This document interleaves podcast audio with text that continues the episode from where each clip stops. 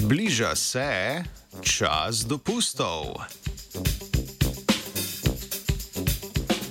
Mnogotere države po svetu preizkušajo štiridnevni delovni teden, ki ga zaradi podaljšanega vikenda lahko razumemo kot krajši oddih ali počitnice. Mednje spada tudi Avstralija, kjer se je raziskovalna skupina odločila podrobneje raziskati vpliv dopusta na človekovo zdravje in počutje. Članek z izsledki so objavili v reviji International Journal of Behavioral Nutrition and Physical Activity.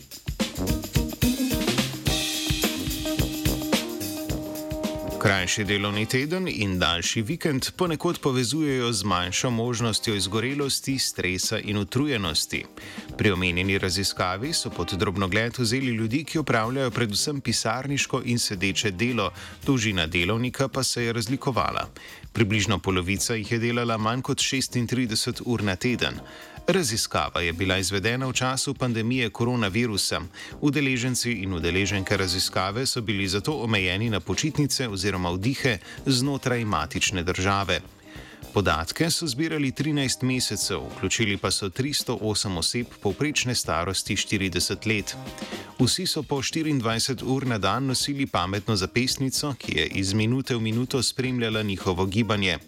Podatki o gibanju, spanju in sedenju so bili združeni po dnevih pred in med oddihom ter po njem. Pridobljene podatke so dopolnili z anketami izvedenimi po oddihih, v katerih so zbirali podatke, kako so udeleženci in udeleženke preživeli počitnice. Podatke so na to obdelali s statističnimi metodami.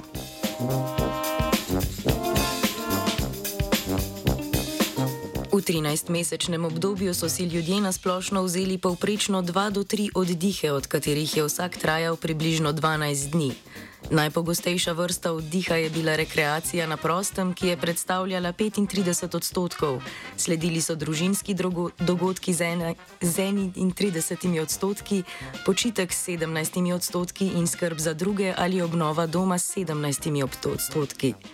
Podatki so pokazali, da ljudje na oddihu vsak dan izvajajo 13 odstotkov ali 5 minut na dan več zmerne do intenzivne telesne dejavnosti. Prav tako so vsak dan 5 odstotkov oziroma 29 minut manj sedeli.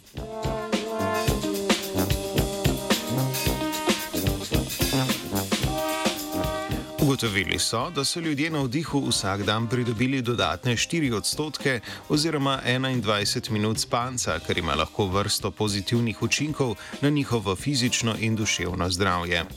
Dovolj spanja lahko pomaga izboljšati razpoloženje in kognitivne funkcije.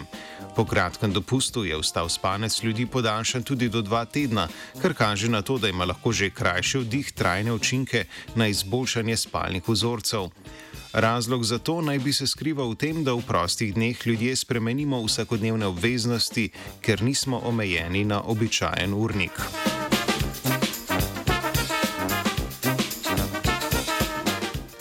Oddihi so povezani z ugodnimi spremembami pri vsakodnevnem gibanju ljudi. Podatki študije kažejo, da lahko oddihi dolgotrajno izboljšajo slog življenja. Že krajši delovnik je lahko razumljen kot kratkotrajen oddih, ki ima lahko večji in boljši vpliv na naše zdravje. Zaradi pozitivnih rezultatov pa se seveda sprašujemo, kdaj bomo štiridnevni delovni teden upeljali v Sloveniji.